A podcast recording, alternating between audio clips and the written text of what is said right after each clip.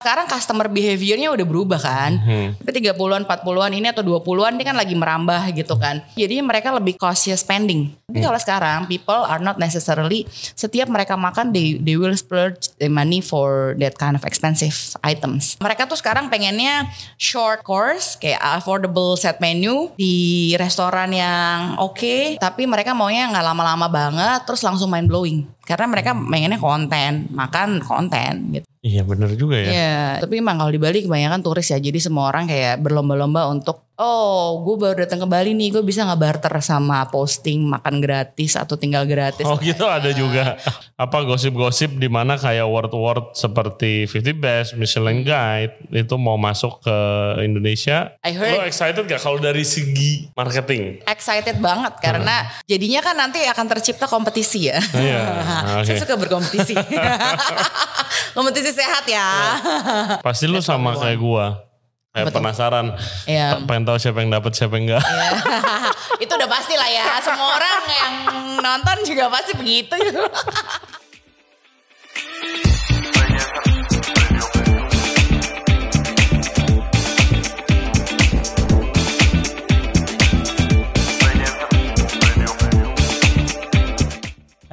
everybody, welcome back to Rejason Radio Podcast. Kali ini kita akan ngebahas lagi tentang marketing F&B, sesuatu yang sangat penting di awal tahun seperti ini untuk bisnis F&B kita.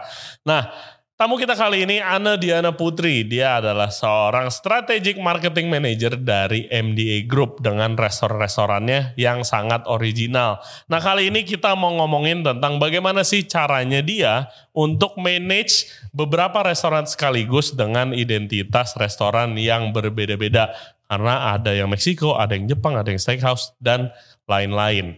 Dan juga tips and trick apa yang bisa dia kasih untuk kita semua nih. Nah seperti biasa jangan lupa subscribe di Ray Jensen Radio di YouTube, Spotify, and all other podcast platform. Follow juga Ray Jensen Radio di Instagram dan di TikTok. And without further ado, please welcome Ana Diana Putri. Enjoy the show. Oke guys, kita ditemenin lagi nih. Sudah kembali lagi ke podcast kita. Ana Diana Putri. Nah dia sekarang menjabat jadi marketing strategic MDA Group. MDA Group ya. Yes. Restaurants. MDA Restaurants. Welcome back to the show. Thank you. Gila. Apa kabar? Baik, baik, baik, baik, baik. Eh, kan kemarin sebel eh, terakhir lu ke sini udah lama banget itu lu masih di Bali, ya Dua kan? setengah tahun ya. Dua dua setengah tahun yang lalu itu ya. Oh damn. Gue udah dua setengah tahun di Jakarta. Oke. Nah udah dua setengah tahun di Jakarta tapi take us back a little bit. Waktu lu mulai megang marketing restoran di Jakarta instead of Bali, ada perbedaannya gak dari customer atau strateginya segala macamnya? Beda, beda, beda. Hmm. Kalau di Bali karena customernya turis ya. Hmm. Eh, Bali kan destination ya for ya leisure buat holiday. Jadi the way we strategize lebih ke brand activation, awareness. Hmm. Jadi um, it works kalau mis even though kayak collab deket-deket aja gitu, it works karena kan nggak semua orang ke Uluwatu atau nggak semua orang ke Canggu gitu. Dan community basis ya kalau di Bali kan is little island, jadi semua orang kenal satu dengan yang lainnya. Kalau di Jakarta it's more customer retention Oke. people are already living in Jakarta. Jadi uh, lebih bi- lebih harus bisa uh, gimana caranya lu yang tinggal di Jakarta datang ke restoran gue setiap minggu. No need to be occasional or uh, birthday or anniversary. Gimana caranya? Nah itu customer retention yang ya yang jadi belajar buat ke sana ya kalau di Oke. Jakarta. Gue mau eh, yang dari tadi lu ngomongin itu gue mau nanya nih eh, soal community. Iya. Katanya di Bali kalau lu nggak punya ini katanya gue denger denger nih ya. Kalau misalnya mau buka restoran di Bali atau pindah ke Bali buat kerja. eh, ini buat bisnis restoran. Kalau lu nggak megang komunitas lokal sana, apa pun itu, entah itu server kayak artis, travelers, apa pun itu deh, sulit bisnis. Hmm, Bener gak sih? Uh, I think everywhere sama sih. Hmm. Jadi eh, nggak cuma di Bali kayaknya, di sini pun atau di mana pun ya, Hmm. kayaknya akan sama. Tapi kalau di Bali sebenarnya nggak cuma harus lu pegang satu komunitas ya, karena Bali kan beda-beda ya. Misalnya gini, eh, daerahnya kalau di Bali beda. Orang-orang Canggu Hmm. itu not necessarily going to Ubud Iya. Every day mungkin enggak. Oh yang enggak ada, kan, jauh gitu. dong. Heeh. Sebenarnya nggak jauh. Oke. Cuma macet kan. Oke. Terus kayak orang di Bali tuh kalau pengennya tuh tinggal like living in the bubble Hmm. gitu.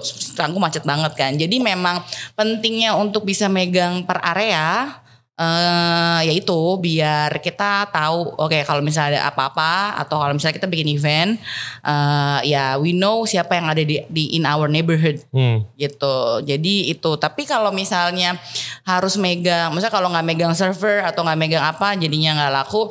Hmm, that uh, that apply to Jakarta or Bali sih sebenarnya gitu. Oke. Harus diversify the market Hmm. gitu. Ya gue juga kalau misalnya di Bali pasti ngundang, bukan ngundang, bukan cuma ngundang, tapi we need to be engaged with uh, komunitas dalam setiap apa sih namanya eh, ini ya apa misalnya kayak ada surfing ada ada fashion Iya. ada gitu another business owners Backpacker, gitu apa kayak, iya atau backpacker gitu ya itu tapi emang kalau di Bali kebanyakan turis ya jadi semua orang kayak berlomba-lomba untuk even though kayak turis-turis ini berlomba-lomba untuk kayak oh gue baru datang ke Bali nih gue bisa nggak barter sama posting makan gratis atau tinggal gratis Oh gitu ada juga. banyak Bedanya- banget oh, oke. bedanya kayak gitu juga di Kalau- dari Bali dan Jakarta ya Jakarta juga banyak.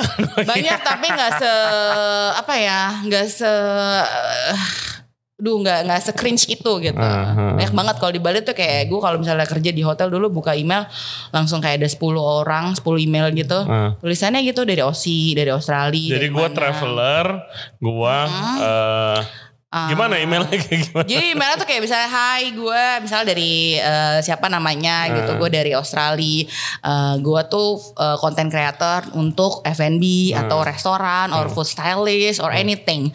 Eh, Your property it looks good. Pokoknya dipuji-puji dulu dua de- depannya gitu kan. Abis itu baru I'm going to I'm, I'm planning to going to Bali at this this uh, date gitu kan. I would love to collaborate, with you. Collaborate, oke. Ya My gitu. God. itu banyak banget. Nah itu balik lagi tergantung orangnya kan kalau itu. kan. Iya tergantung orangnya. Tergantung Tapi orangnya lu kalau is misalnya ya. oke, enggak kalau misalnya Oh. oke lu ituin kan. Atau- Biasanya Oh, kalau orangnya oke mereka nggak akan email ya. Kita yang email dia. bener juga, bener juga. Maksudnya flow-nya begitu Maaf ya? ya Maksudnya flow-nya gitu. begitu. Oke. Kalau orangnya oke bukan bukan dia yang email kita atau biasa biasanya kayak uh, by inner circle kalau orangnya oke. Oke. Gitu. Enggak yang direct email ya, Wak. Bener juga. Nah itu dia guys.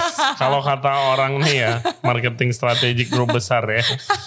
Jangan email atau DM IG berarti kalau di Jakarta mungkin lebih DM IG. Iya itu sama di mana-mana udah DMG sih sekarang. tapi tapi lu pernah kasih gak sih gratisan gitu? Lu okein? Hmm, Pernah gak? pernah lah, pasti Hmm. pernah pernah. Hmm. Pernah pernah kayak ada beberapa traveler dari Australia gitu ada yang kita okein. Tapi kan waktu dulu gue kerja di hotel bukan cuma gue timnya, maksudnya Hmm. gue bukan cuma gue doang gitu decision makernya kan pasti ada director gue kan Hmm. gitu. Jadi we review everything, we audit everything juga, Hmm. and then when it match gitu sama apa yang kita mau, Hmm. and then ya udah kita kasih itu prosesnya lama lah dua minggu lah at least Ya, review ya. segala macam. Tidak bisa menyesuaikan dengan traveling lu. Iya, mohon maaf nih. Oke. Nah sekarang Ana itu megang eh, restoran DMD eh, Restaurants ada beberapa. Iya. Wabi Sabi, Carbon, eh, Animale, Animale, apalagi? Iron Plate, Iron Plate, Asian Butcher. H&M Butcher. Hmm. Which is kemarin habis podcast. Very fun and makan di Carbon very Hmm. nice. Ya kan? Gimana rasanya megang banyak brand sekaligus? Nak? Ah, pusing gak deh. Nggak semua orang pasti bilangnya pusing ya lah. Be honest pasti pusing lah untuk untuk switch eh, five different ini ya channel. Channelnya kan beda-beda karena eh, bukan cuma apa ya bukan ini kan yang kita ju, kita over kan specialty restaurant kan. Jadi semuanya punya cuisine masing-masing gitu. Yes. Eh, harus dijalanin ya. Pusing sih pasti pusing karena ya eh, sometimes kita lagi meeting apa gitu. Terus tiba-tiba kayak kita come up with this idea. Tapi ternyata itu kayak shit man ini bukan the forumnya. Ini harusnya buat di other Outlet restaurant, beda. ada outletnya beda. Sometimes itu doang sih. Tapi kuncinya adalah eh, harus tahu eh, you you need to know who you are Hmm. ini siapa lu siapa sama apa produk yang mau lu represent siapa Contoh, gitu. misalnya kita ngomong karbon dah. Oke, apa? kalau misalnya karbon, karbon kan is Latin Latin American with Mexican and Peruvian flavor kan. Hmm. The highlight of carbon is we have uh, the corn itu datangnya dari Meksiko, sama the chili itu datangnya dari Peru. Hmm. Dan uh, chili dari Peru ini kan dari fresh chili ke dry chili itu namanya bisa ganti. Hmm. Kayak dari poblano terus ganti lagi namanya uh, kalau udah di dried namanya beda lagi gitu. Jadi ada anco, ada apa segala Hmm. macam. Iya banyak banget jenisnya. Banyak banget jenisnya. Cornnya juga banyak Cornnya banget juga jenisnya. banyak banget. Ada hominy, ada coklo apa segala macam Iya, gitu. Ada dari blue corn segala macam.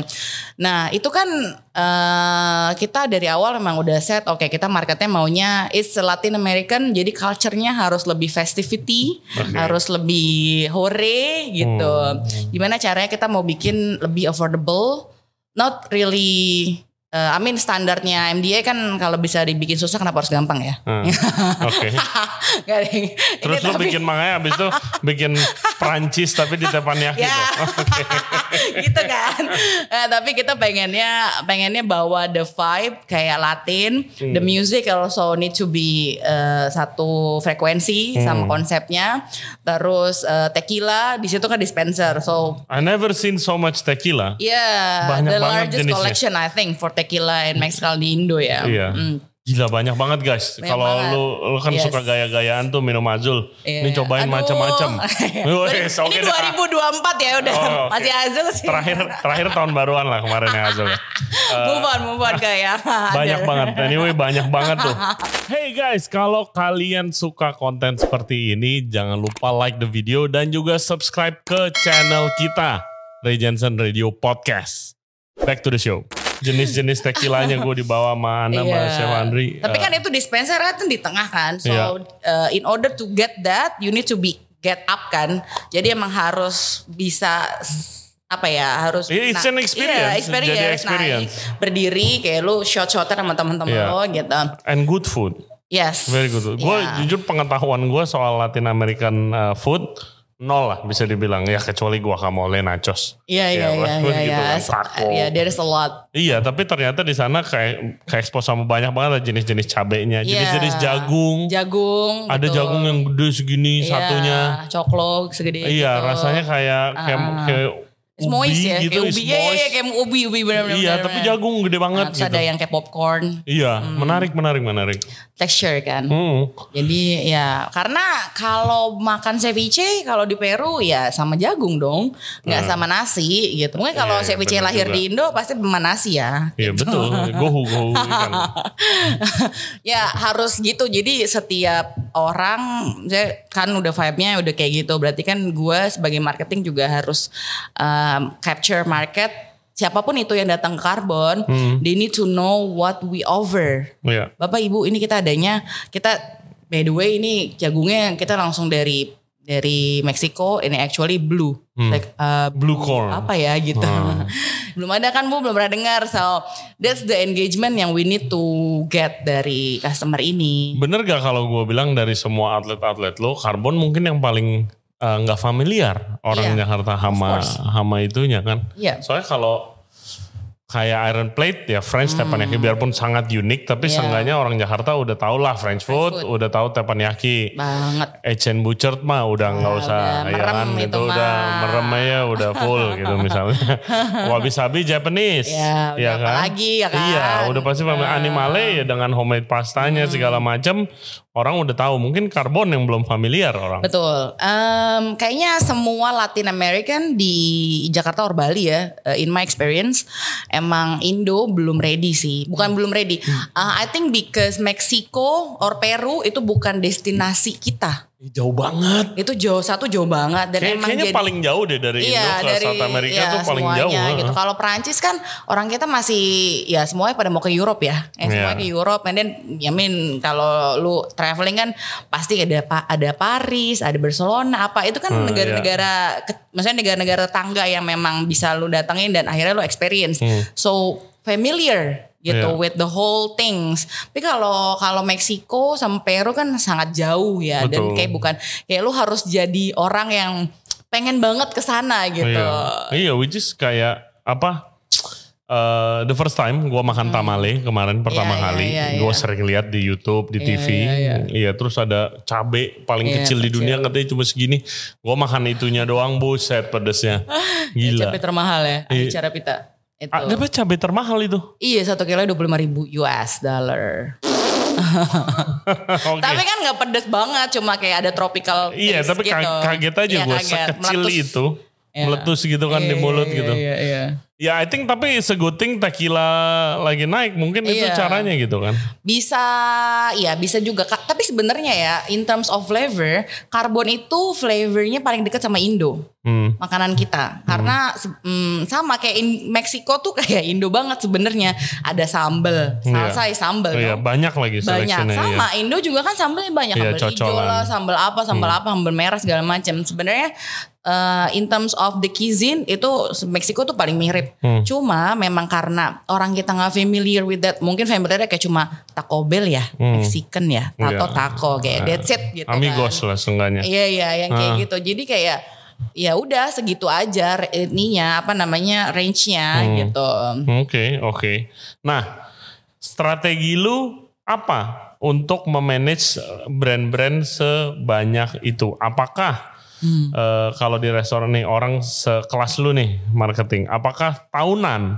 Misalnya nih dari mungkin dari bulan November mungkin Hmm. Iya, lu iya, udah iya. planning nih tahun 2004 kita mau ngapain big holiday di Centang apa Ya. gimana? Kalau itu udah harus ya. Kalau kalau setahun Kita breakdown nah biar orang ya, bisa belajar oke. nih. Eh, biasanya kalau kita eh, per tiga bulan. Oke. Per tiga bulan. Ada per tiga bulan ada per, per empat bulan ya. Tapi Hmm. yang kita lakuin per tiga bulan. And then we mark eh, biggest holiday-nya apa aja. Oke, misalnya kita Januari sampai April berarti Iya, kurang oke. lebih. Mm. Terus itu Berarti lu kan di dalam situ kan ada iya, Valentine's misalnya Day. long weekend, Ada misalnya long weekend, ada, Saya big- pemilu. big- ya ada pemilu. pemilu gak masuk kuliner ya, tapi gue gak tahu entah Tapi- kenapa ini siapa yang membuat ya. Mm, ya, tapi kan libur. ya libur pemilu Ah. ya. Jadi Valentine pada libur. Eh, ya di situ kan kayak ada big eh, dari Januari ke April itu ada apa? Ada International Women's Day, ada Hmm. Iya. Valentine's Day, ada Easter, Iya, ada eh, apa lagi ya berarti? Ya itu kayaknya yang itu gede-gede ya. Chinese New Year Chinese juga. New Year, yes, Chinese sama New Year Chinese juga. New Year. Heeh. Yang itu yang big yang big eh, public holiday itu kita akan lempar ke outlet masing-masing. Ih guys mau buat apa? Oke. Tapi harus eh, dengan masih in brand ya. Maksudnya animale mau kayak mau buat Chinese New Year. Mau apa? Nah, Buatnya. nah, nah, gimana? Carbon, H&M Butcher mau bikin Chinese New Year, gimana? Iya, ada sih sebenarnya. Kita sebenarnya kalau bikinnya jadinya karena gini, Chinese New Year itu kan family ya. Lu kalau Chinese New Year pasti. Iya. makan keluar Hmm. tapi family kan gitu. Jadi kita harus tahu capture oke, family-nya biasanya berapa orang? 4, 5, 6 gitu kan. Nah, oke, dari setiap outlet ada berapa misalnya oke dari, dari tahun lalu deh gitu. Biasanya berapa per table ada berapa orang? Hmm. Nah nanti itu di, kita bikin, oke kita bikin kita bikin sharing menu Hmm. untuk family-family ini dalam selama periode Chinese New Year. Oke. Gitu. Oke ibu bapak hari ini karena Chinese New Year eh, kita misalnya mau ada sharing, eh, kita ada special menu. Karena ka- karena kalau Chinese New Year biasanya habis bagi-bagi angpau makan-makan keluarga. Nah, makan, iya. Tapi yang Yushengnya itu ada di Wabi Sabi. Oke, karena, lebih, dekat. masuk Yes, konsepnya. Kalau lu yusengan di Iya, Yusengan di AB karbon, agak dia- bingung dia pakai daging ya. Iya, Niku. Oke. Terus bingung. Iya kadang-kadang kadang-kadang gue gua kan update gue kayak pura-pura is a Japanese cocktail bar. Nah kadang-kadang gue bingungnya tuh nyambunginnya kalau emang nggak masuk gitu nah ngerti gak sih Oh, kayak iya, contoh iya, iya. Christmas. Hmm. mau ngapain nih gue gitu Iya. selain bikin Christmas cocktail gitu Hmm. segala macam. Eh, sebenarnya nggak harus kayak kalau big holiday kita biasanya mandatory ya itu kayak each outlet harus come up sama Oke. something Hmm, gitu. hmm. And then uh, a part of that big one kita biasanya ada tematik dari setiap outlet. Kayak misalnya uh, International Pasta Day gitu. Hmm, Itu kan hmm. buat animale make- masuk kan. Iya. Ya, kita mau bikin apa nih guys hari ini? hmm. Hari hari itu, hari Pasta Day itu mau bikin apa? Oke. It's not necessarily kita harus exposure gede-gedean, Hmm. tapi it's good for customer juga ada something that they look forward to. Ada apa ya something yang baru dari Animale? Kan of Hmm. course semua orang maunya yang ada. Emang lu punya menu baru apa? Iya. Gitu kan. Iya, iya, iya. Jadi itu sebenarnya buat itu buat customer. Tapi kalau dari buat BOH-nya, Hmm. jadinya mereka nggak bosen. Nggak, oke di mereka masak gitu tuh aja. Tapi Iya, kalau iya, ada bisa. something Ada efek itu something juga beda kan, Iya. kayak oh belajar oh, hal baru Iya juga. belajar menu baru, resep baru gitu kan. Shit, ah, R&D lagi gitu kan. Hmm. That's that's the thing sih. Kayaknya dari hulu ke hilirnya kayak gitu. Oke, itu big holiday. Hmm. Terus kalau misalnya event-event kayak pop up itu itu gimana? Kalau Kayak kemarin kan up, akhir tahun oh ada iya. pop up Jepang di Iron Plate, chef Jepang. Eh, di Wabi Sabi. di Wabi Sabi, Iya, sorry. Iya. venue-nya doang yang di Iron Plate. Oke. Iya, oh ya bisa begitu juga ya. Iya.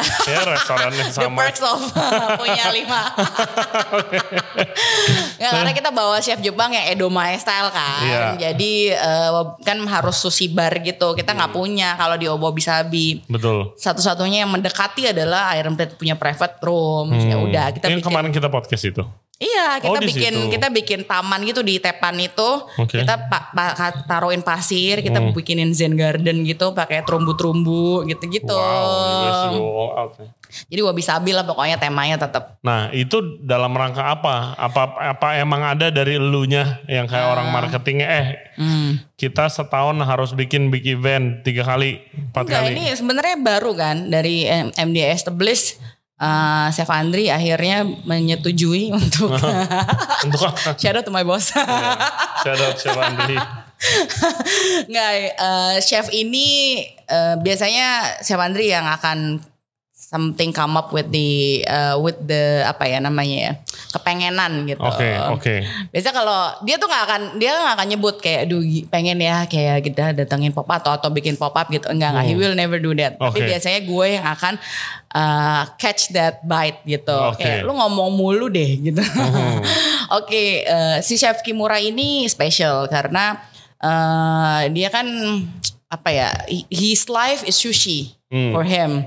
Jadi dari dari dulu dia pokoknya the the uh, the career itu different. Chef Andi pernah ketemu Chef Kimura di salah satu restoran di Jepang yang invitation only di Yamaguchi. Hmm. That's the first time uh, Chef Andri ketemu si Chef Kimura. So for him itu kenangan yang sangat gila nih Chef bisa sampai uh, udah tua aja the passion for sushi itu segitunya Oke. gitu. Jadi dia kayak iya nih. Jadi pas gua ke Jepang gue bilang oh gue mau ke Iwasaki gue bilang Iwasaki di mana di ini gue bilang di Toyama oke lo harus sushi sushi jin gitu nih apa tuh Oke ke sana ke outletnya. Iya gitu ke outletnya akhirnya ya udah terjadilah akhirnya gue um, actually the communication kan tiga tiga bulan kan gue masih chef Kimura Oke. Penasaran, lu ngundang chef dari luar negeri gitu, hmm, emangnya bisa make money ya kalau begitu? enggak dong Nah, buat apa kalau gitu? brand awareness Nah, iya iya ada strategi itunya kan? iya ada ada ada Ya ada. enggak, ini gue nanya, gue nanya, nggak gue ngerti kan gue juga sering diundang diundang Iya. pop up gitu kan.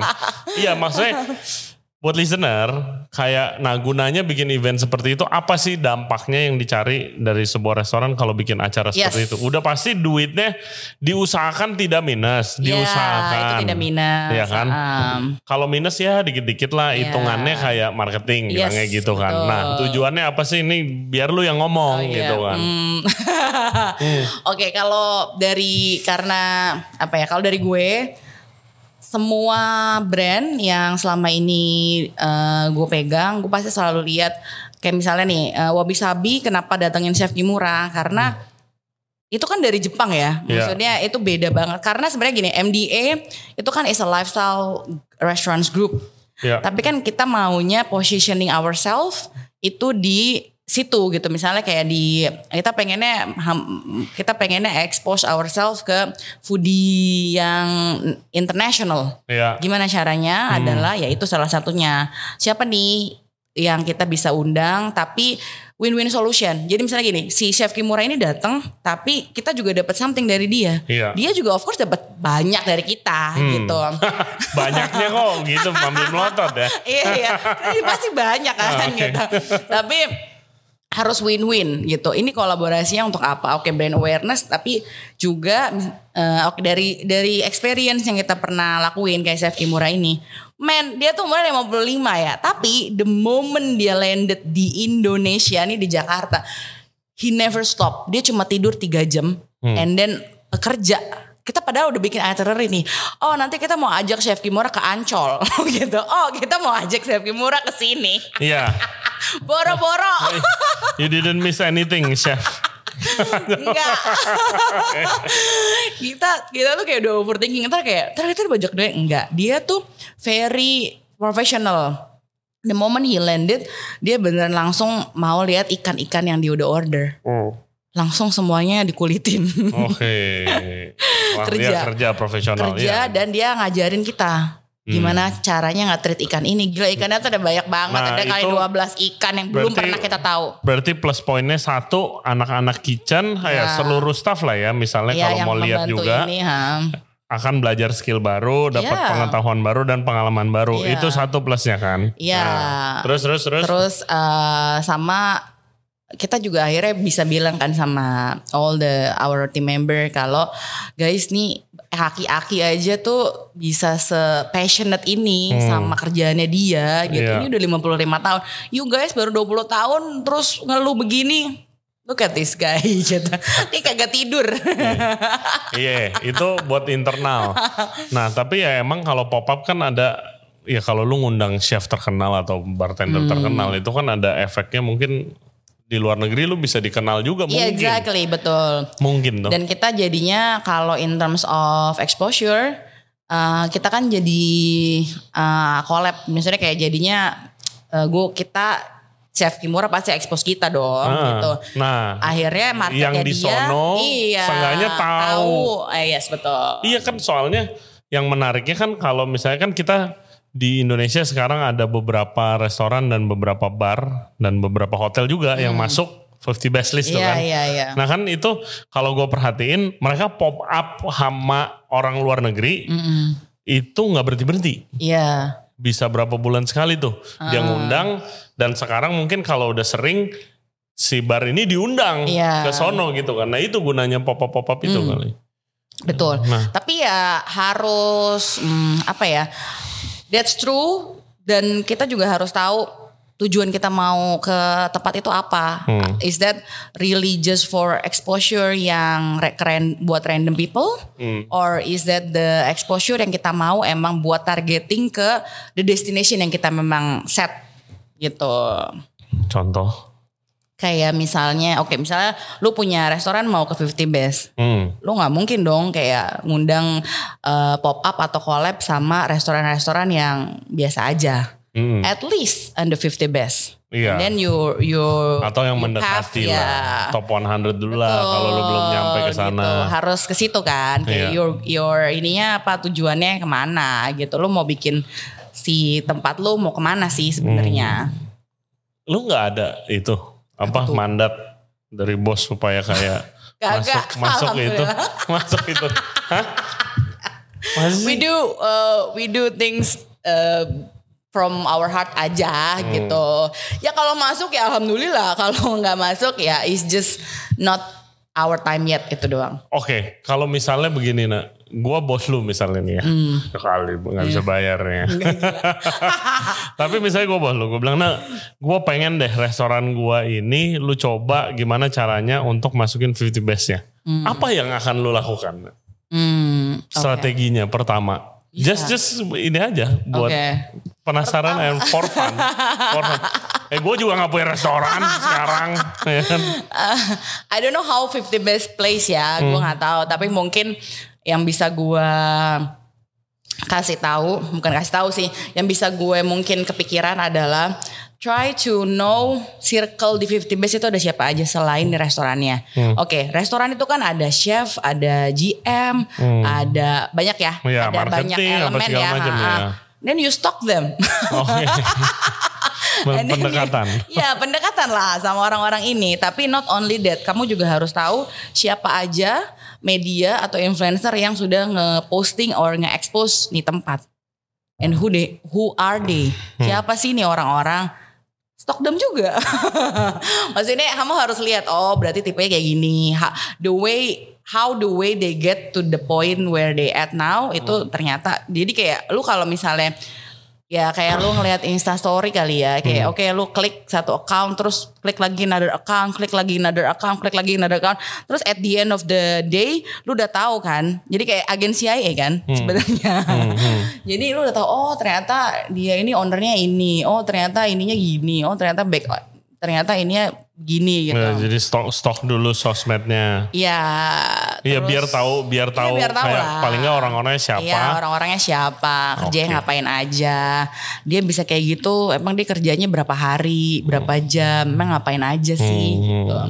Those things yang harus dimengerti Hmm. gitu. Nggak cuma ya nggak cuma oh gue mau ke sini gimana caranya gue bayar berapa? No man, that's than Iya, that. emang di Jangan mulai Ray. ya enggak, tapi gue gue perhatiin begitu sering banget pop up hama yang luar negeri itu mungkin salah satu caranya. Tapi Iya. on the other hand kan kalau lu restoran misalnya baru nih baru Hmm. mulai ya restoran Jakarta eh belum tentu mau kan Of course. ya kan siapa lu Eh iya. ngapain gue pop up tempat lu gitu kan Eh iya. Eh, value-nya juga nggak sama. iya iya oh iya, jadi iya Bayar lah kalau kayak Iya. gitu. iya bayar Bayar, bayar, tapi bayar. kan iya ya benar lu harus pilih-pilih juga siapa Iya. gitu kan Sama poinnya apa? Emang emang lu cuma pengen bikin event aja, yang Hmm. bikin datengin crowd, atau you want other things? mungkin kayak kalau bayar itu tuh general. Misalnya lu Hmm. nggak bayar medianya, misalnya nggak bisa dibayar di media, tapi ya si restoran tetap harus keluar duit nih.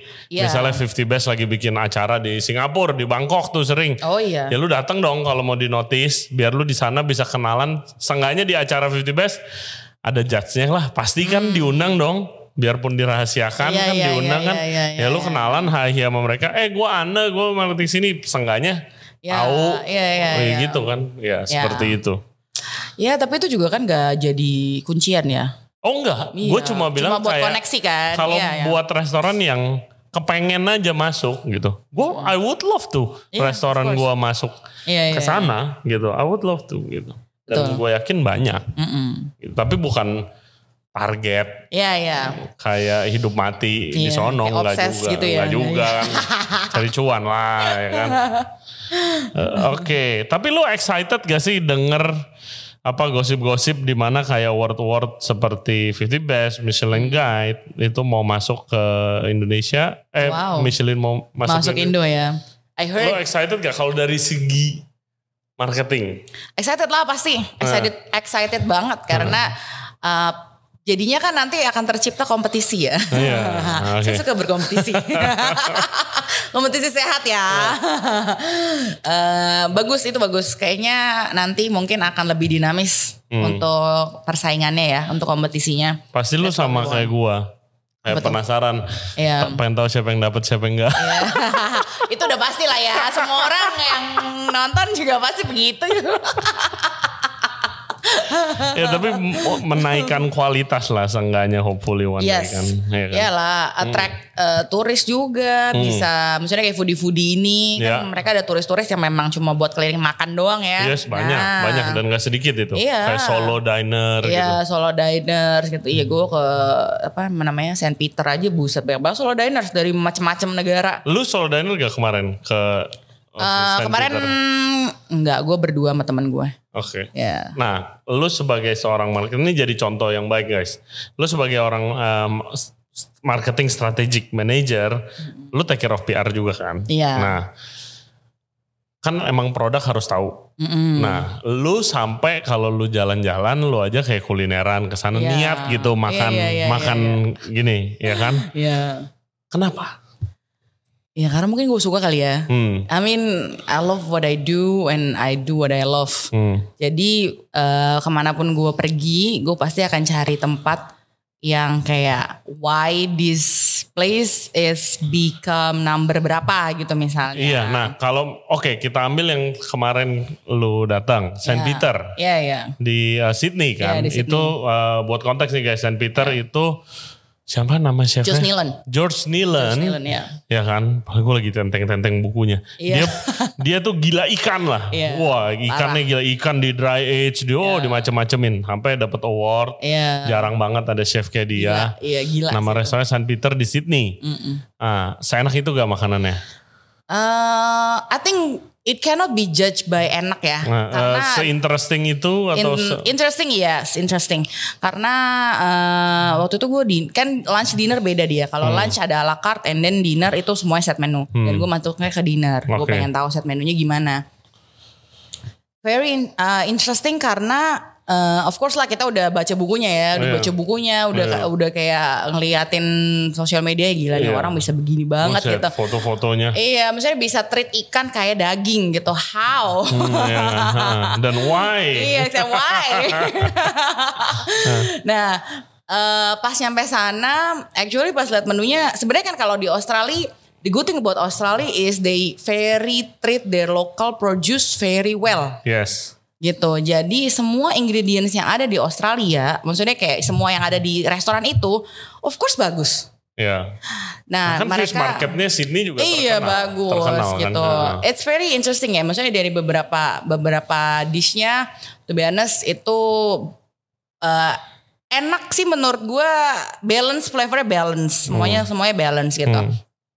Would I come back to that place? Kalau different menu mungkin yes. Oke, karena Ya. for the experience, lu nyari experience, ya different ya. Maksudnya how the hell people nih orang bisa bikin eh, apa namanya es krim dari gelatinnya fish eye. How gitu. Oke. Iya gitu kan. Ah. Kayak Hah, gitu bisa gitu. Ya Oke. bisa gitu. Karena kan dia semuanya mem, me- utilize the whole fish kan. Iya, ya itu ya gua gua Dia bikin krim di depan dari zero sampai jadi krim itu buat si tartnya. Terus di apa di apa di Maksudnya bikin krim dari zero? dari misalnya dia bikin sendiri di depan. Misalnya kan itu kan open kitchen doang kan. Oh, Cuma jadi- satu line doang. Semuanya dibikin semuanya kita ngeliat gitu. Oh, oke. Kecil-kecil tuh tempatnya kecil. Ya, gua, Semuanya ngeliat. Gue gue makan waktu eh, terakhir that experience itu di di Noma. Hmm. Eh, Dan gak selama Noma. Oh enggak. Hmm, Terus jujur, gue gue suka banget makan. Eh, fine dining gue suka masaknya. Iya. Kalau makannya iya, gue nggak gitu enjoy karena Iya, lama iya, banget. iya. Oh iya kalau itu Gue makan tiga setengah jam di Noma. Tiga setengah. Gue gua gua udah ngefans ya dan gue kerja di Iya, sana. iya, iya, iya. Gue dapat makan di sana. Kok gue lama banget ya? Kok lama bener ya? Gila. Pengen rokok dulu nih. kayak, kayak gitu.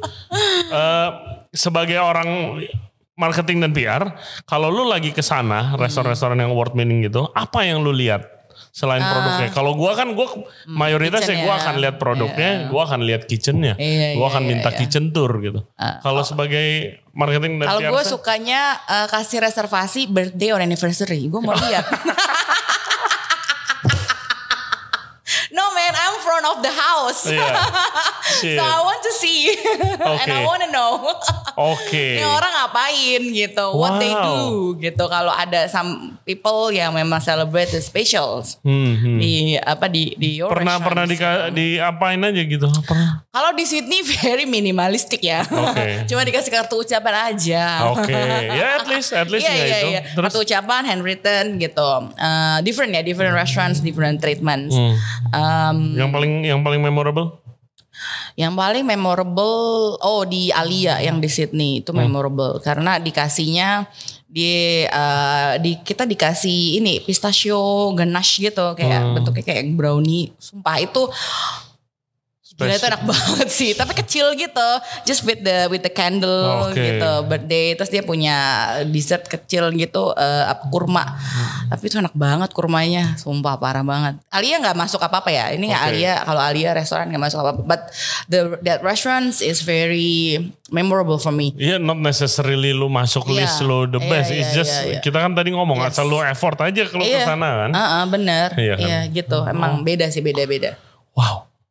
Lu lihatnya kalau orang birthday marketing. Oke. Iya, nice. iya dong. Iya dong. Iya ya, lu dong. kan PR ya kan. Iya, benar. Treating guest ini itu kan. Iya bener sama how how long nih guest experience dari depan sampai duduk. Hmm. Ya kan di greeting pasti gitu. Iya. Ada yang suruh Iya. nunggu Oh, lagi, karena host juga gimana termasuk PR ya? Iya dong kan at front of the house kan. Kalau di luar tuh kan sering banget ditaruh di bar kan Iya. sebelum sebelum itu.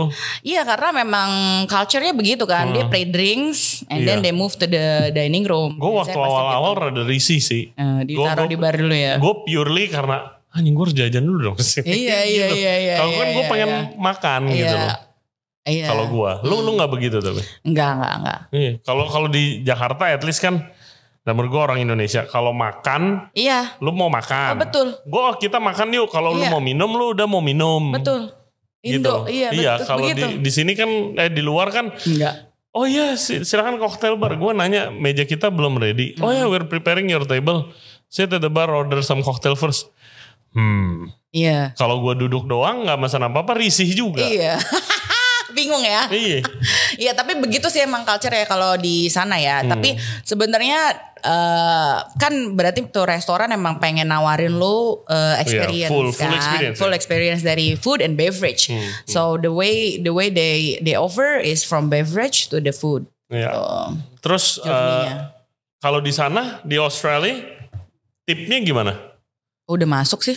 Oh udah masuk Udah masuk. Tapi ya? lo ya, I mean feel free to tip lah. Iya, feel free. Iya, tapi Kan udah masuk sih udah Yang ada. paling rada ribet tuh di US kan ada Oh my god, iya kan iya iya, mahal banget sih ya sekarang ya. Iya. Tapi anyway. Iya persentasenya gila cuan banget sih kalau jadi server di US ya.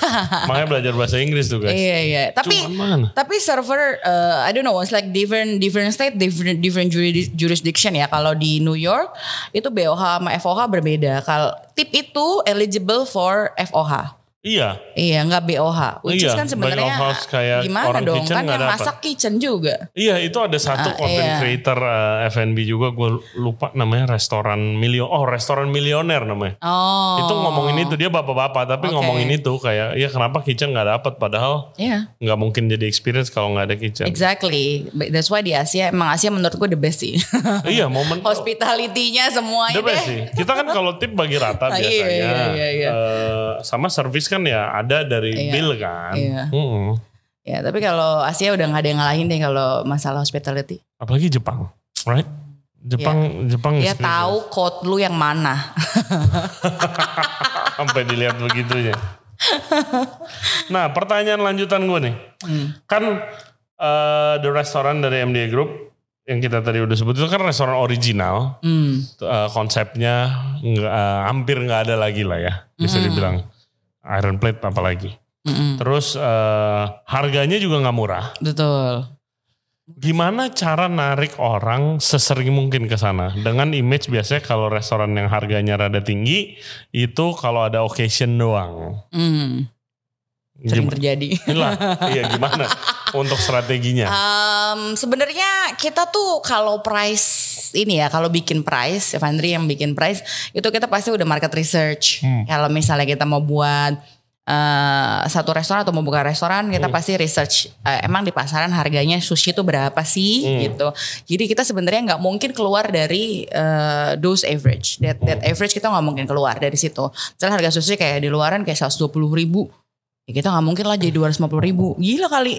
Enggak. hmm. Actually sebenarnya MDA sebenarnya semua the whole pricing point itu sama seperti yang di pasaran. Oh, eh, yang bikin membedakan experience-nya, yang bikin membedakan adalah experience-nya. Kita Hmm. mau create the experience eh, wholesome. Jadi kayak dari datang, that's why kenapa kalau semua orang pasti bilangnya, oh ya MDA fine dining ya gitu. Iya, ya itu kan karena nggak Iya, tahu, nggak Iya, tahu iya. sih kan iya. restoran. Nowadays people kan nyebut fine dining is because degustation menu. Hmm. Jadi semua restoran yang punya degustation menu, they call it fine dining. Hmm. We test, so we do the social test nih di Animale. Oh gitu. Ya, we love to do that. Gimana? Eh, apa namanya? Animale itu kan very ala carte ya, misalnya semuanya ala carte lah gitu. Gu- Belum pernah bikin eh, omakase atau Iya. set menu. Hmm. Kita tes. Oke, kita bikin set menu guys. Christmas. Oke, jual. Ternyata the number is kita jualan kayak empat hari deh kalau nggak salah. Itu uh, during Christmas festive lah itu. Terus pas ternyata comes up with the the selling set menu paling banyak dari semua outlet is Animale. Hmm. Why? Ternyata mereka tuh kayak kalau dari overheard ya, overheard customer, iya gila set menunya lumayan nggak nggak mahal-mahal banget. Tapi jadinya kita makannya fine dining. Oke. Oke. Yes. Oke. Jadi gitu. Jadi sekarang. course aja dibilang fine dining. Iya, gitu. Iya, bukan. Iya, iya, iya, iya. iya. Oke, oke, oke. oke. Jadi, tapi kan emang sekarang customer behaviornya udah berubah kan? Hmm. Karena sekarang tuh orang lebih suka hmm, generasi-generasi kita kan generasi ya misalnya 30-an tuh udah mulai gain their apa ya uh, money, Yes. power Iya. gitu kan. Iya, udah 40-an jadi ya udah orang jadi CEO lah. gitu Heeh. kan. Ya itu udah berbeda. Tapi 30-an, 40-an ini atau 20-an ini kan lagi merambah gitu kan. Sebenarnya uh, customer behaviornya jadi mereka lebih cautious cautious spending Hmm. nggak kayak dulu zamannya gue pertama kali di FNB ya misalnya 2016 2017 itu splurging money kayak misalnya oke mabok pokoknya ke makan buka tiga botol whisky gitu Hmm. Jadi kayak beneran yang kayak bisa tiap tiap hari gitu tapi kalau sekarang people are not necessarily setiap mereka makan they they will splurge the money for that kind of expensive items Hmm. some ya occasionally aja lah very cautious terus uh, pengennya tuh Jadi spending turun loh. spending Packsnya sama, ya tapi spending spendingnya- per packsnya. iya jadinya kayak packsnya sama tapi spendingnya gitu segitu-gitu aja even though harga sekarang udah mulai naik Nah, gitu itu tahun lalu bener sums up tahun Ya. lalu banget tuh.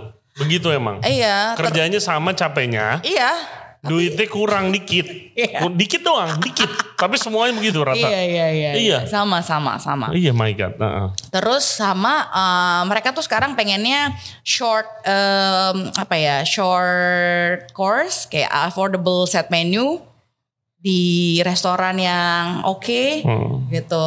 Tapi mereka maunya nggak lama-lama banget, terus langsung mind blowing Hmm. di depan. Kalau bisa ditulis nama, dikasih dikasih apa gitu, api, dikasih pokoknya Gimik-gimik. those the whole those experience gitu. Tapi maunya cepet. Itu gue gue pengennya cepet karena mereka pengennya konten, makan konten gitu, makan dan konten. Iya bener juga ya. Iya, Iya, jadi maunya kepikiran. maunya cepet kayak oke apa yang bikin gue mind blowing nih gitu lama banget sih gitu. Kalau dulu kan enggak, we build the stomach kan. Kalau dulu kan dari kecil-kecil Hmm. Iya. sampai yang bite, maksudnya kayak maksudnya jadi jadinya build up kan stomach kita. Kalau sekarang kan enggak, they Iya. want to boom at the beginning. Iya dulu bisa sampai Jadi sekarang 21 plot gitu. kalau kalau kalau film ini ya kebalik ya plot ini plot twistnya. Jadi plot twist sekarang. Jadi yang harus yang klimaks dulu baru ke ke masa lalu gitu, ke yang anti klimaks. Bukan bukan begini jadinya begini. Oke.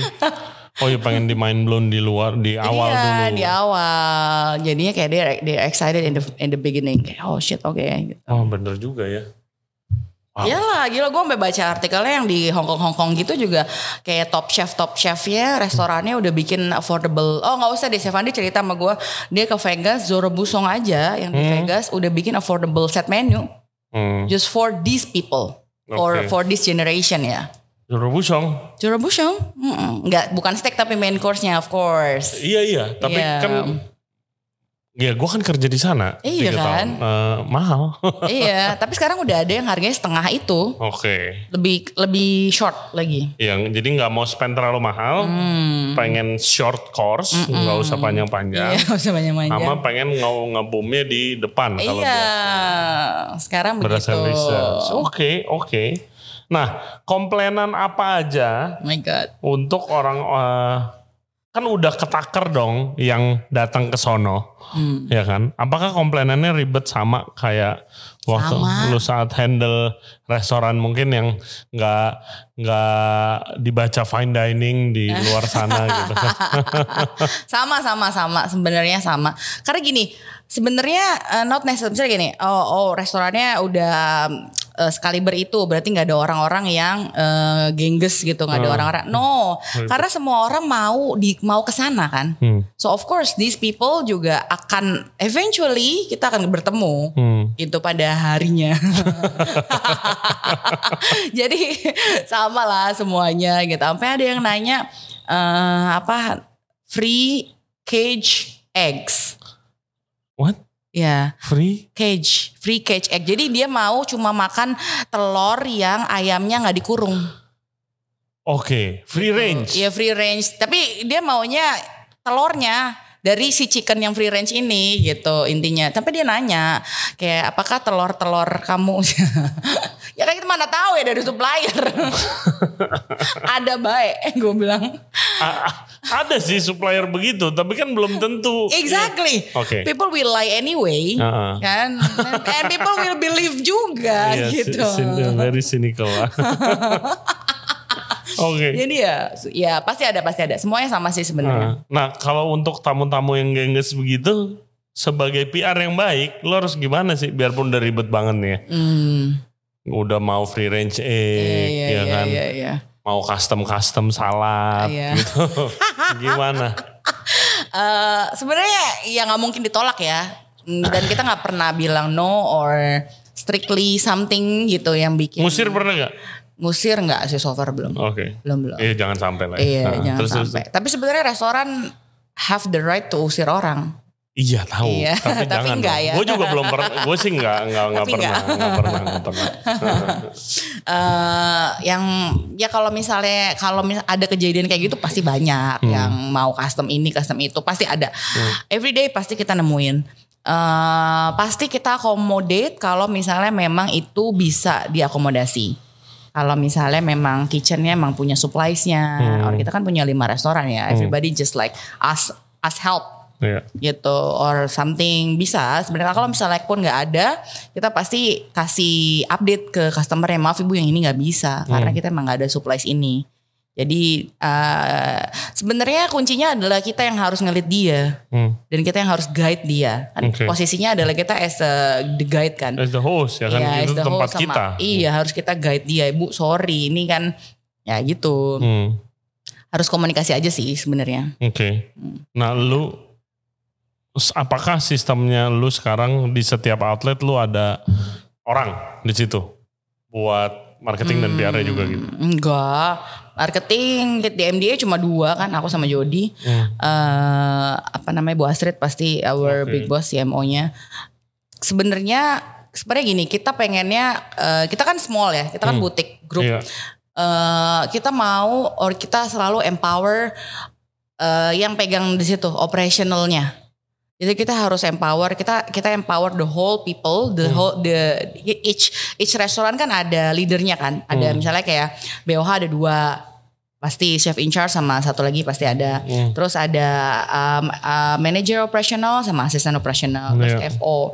Jadi at least satu satu outlet itu ada enam orang Hmm. pastry chef juga gitu Iya. kan headnya jadi kita mau uh, kita encourage them to know their customer and then to engage with their customer. Hmm. gitu. Bu jadi bukan sebenarnya bukan semata-mata uh, my job or other people's job.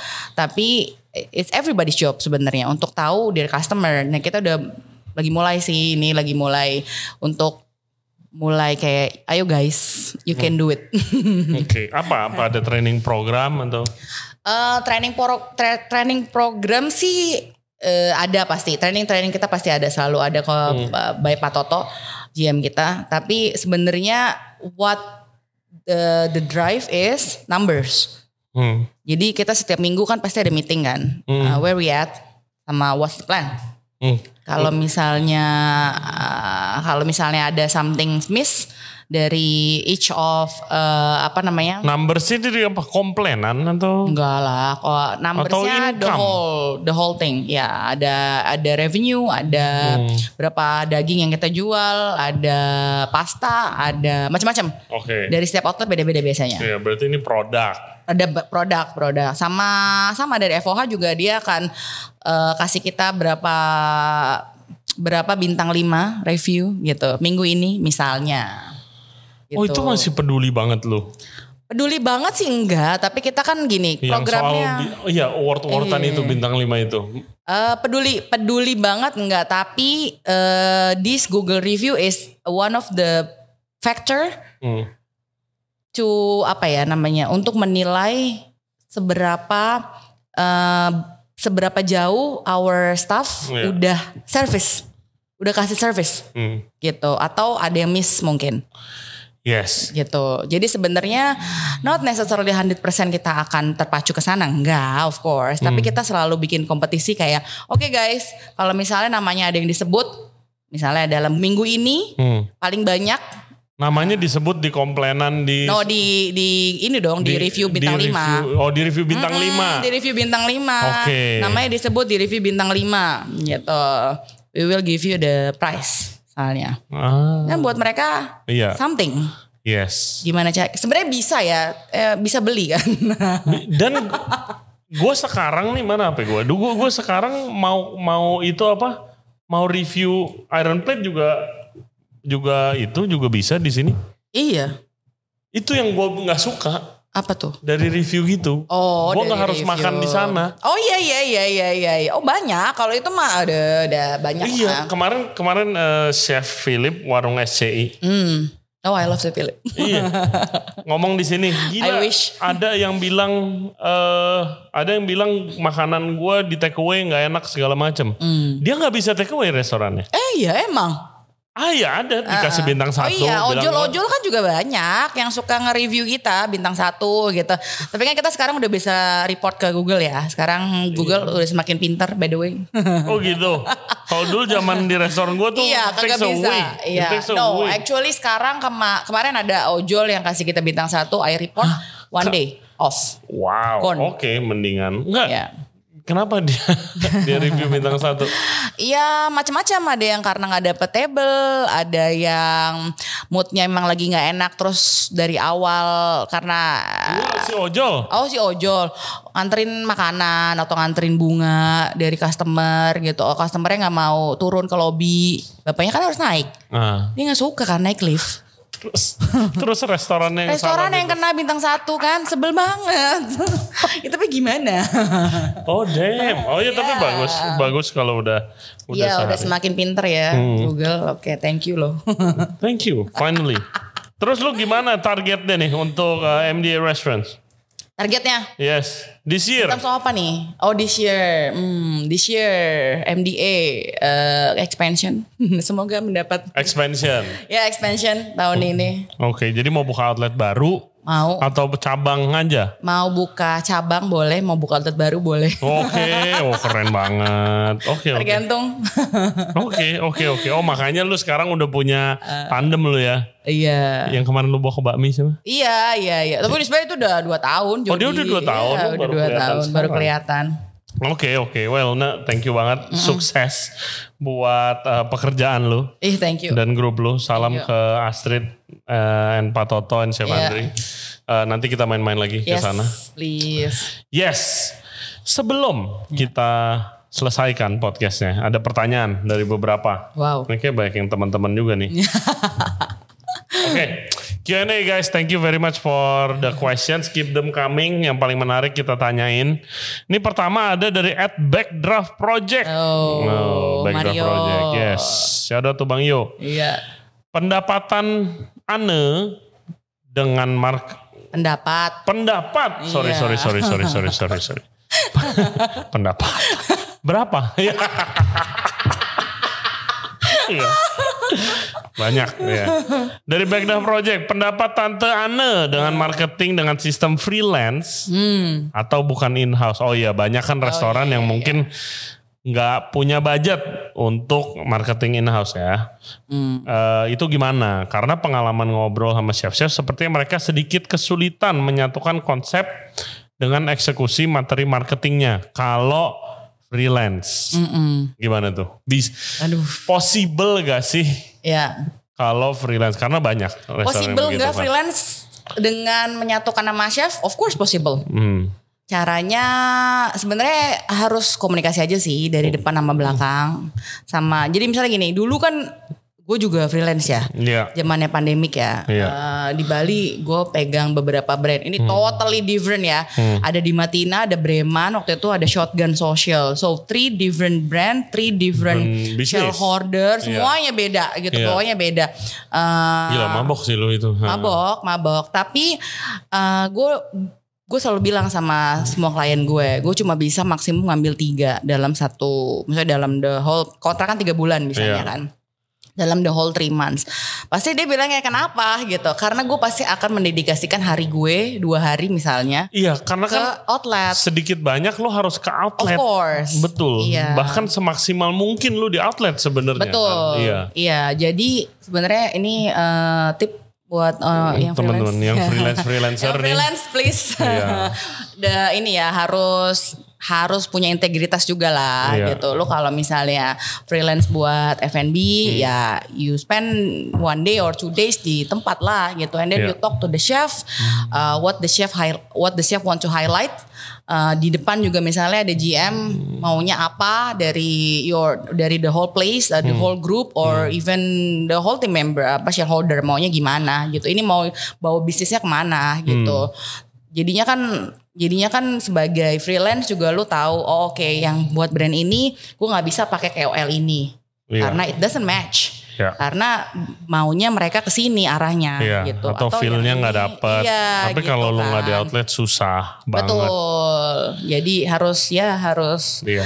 nggak bisa greedy. Ya oke lah, maksudnya kalau misalnya mau ngambil banyak pun ya it's okay kalau lu punya tim ya. Tapi make sure kamu harus mendedikasikan satu atau dua hari di outlet dan ngobrol ya sama BOH or FOH-nya. Betul, ngobrol. Jadi Iya. distrategiin. Kan persepsinya orang produk sama chef-chef nih, company orang marketing kan main HP doang, Iya. duduk di duduk di dining area, ya kan. Kalau udah di outlet ya jangan begitu, lu ngobrol makanya, lu Iya, betul. interact lah gitu, biar nggak persepsinya nggak kelihatan gitu. Iya. Gua tahu kerja dan Iya, berat betul. juga, memang kerjanya di HP aja, tapi kan Iya.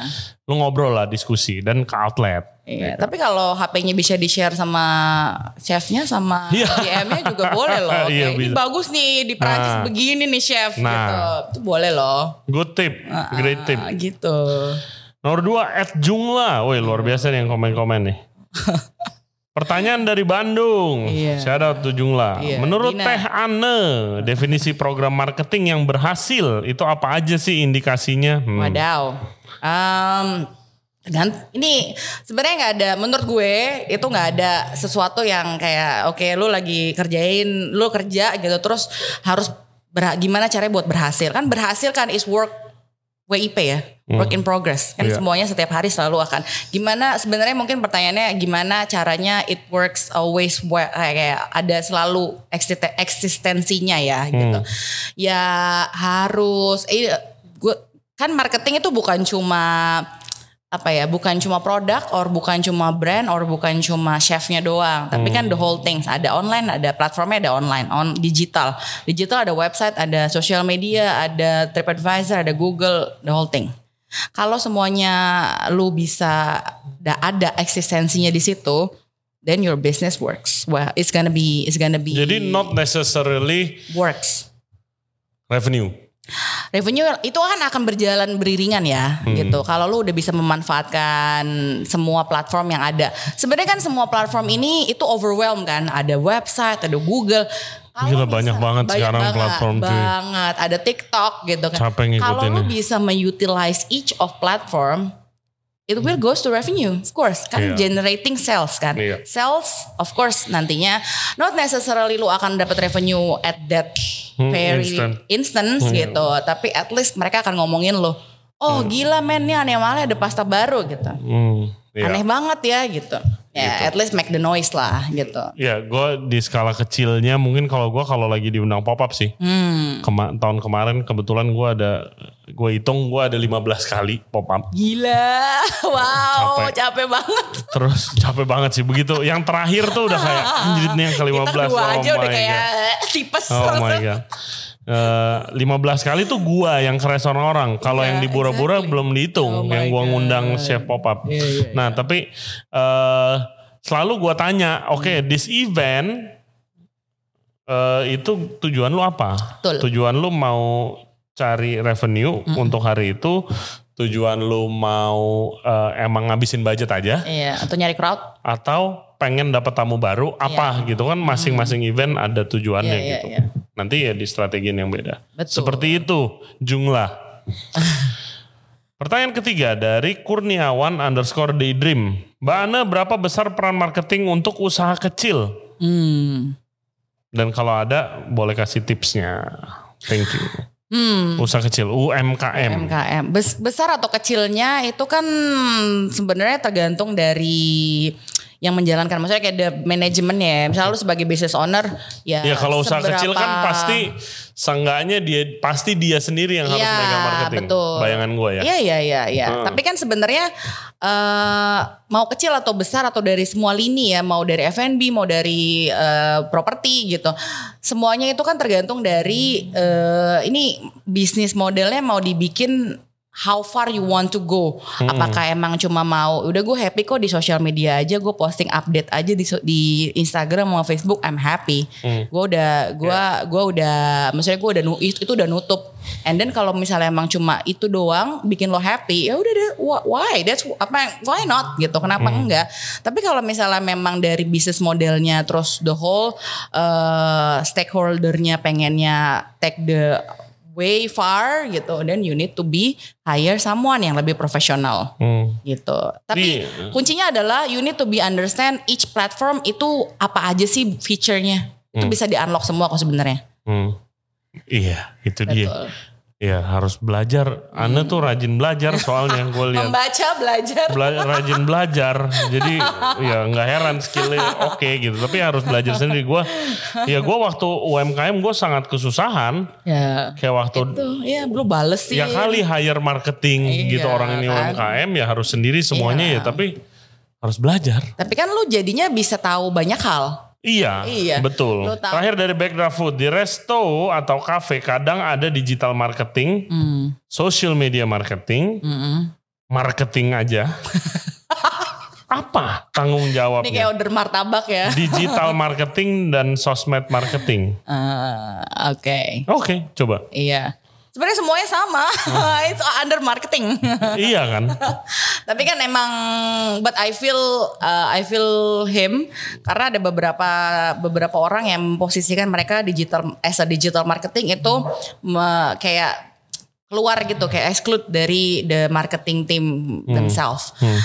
Karena sebenarnya sebenarnya sama, sebenarnya digital marketing ini harus bersama dengan marketing. Iya. Tapi as uh, another branch dari scoopnya digital marketing ini bisa bersentuhan dengan sales, Hmm. dengan tim sales, tim revenue. Hmm. Kenapa? Karena mereka sebenarnya gini, digital marketing itu oke ini ini Ini juga buat hotel biasanya Iya, kalau ini begitu. juga buat orang-orang ya. Digital marketing itu bukan cuma melulu tentang sosial media. Iya. Yes, itu bukan. Heeh. Jadi digital marketing is more way complex than so just only social media. Betul, Lu, website. ya, lu harus bisa belajar website. Lu kalau mau ngedit website, eh, ada blog di blog setiap website itu every word itu bisa jadi SEO. Hmm.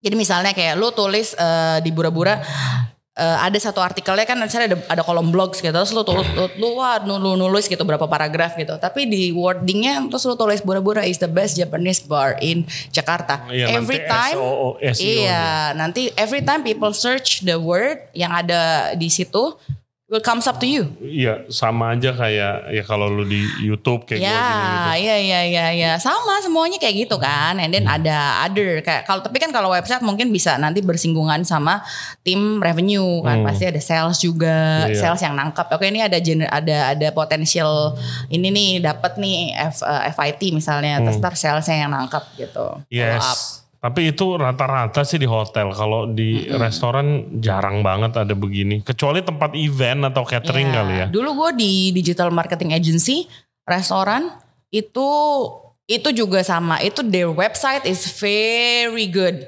Oke. Tapi itu very impactful ya. Maksudnya gini, eh, kalau misalnya you bikin website bagus dari sistem reservasi Hmm. sampai about sampai lu pikirin semua flow-nya, it will go to sales. Hmm.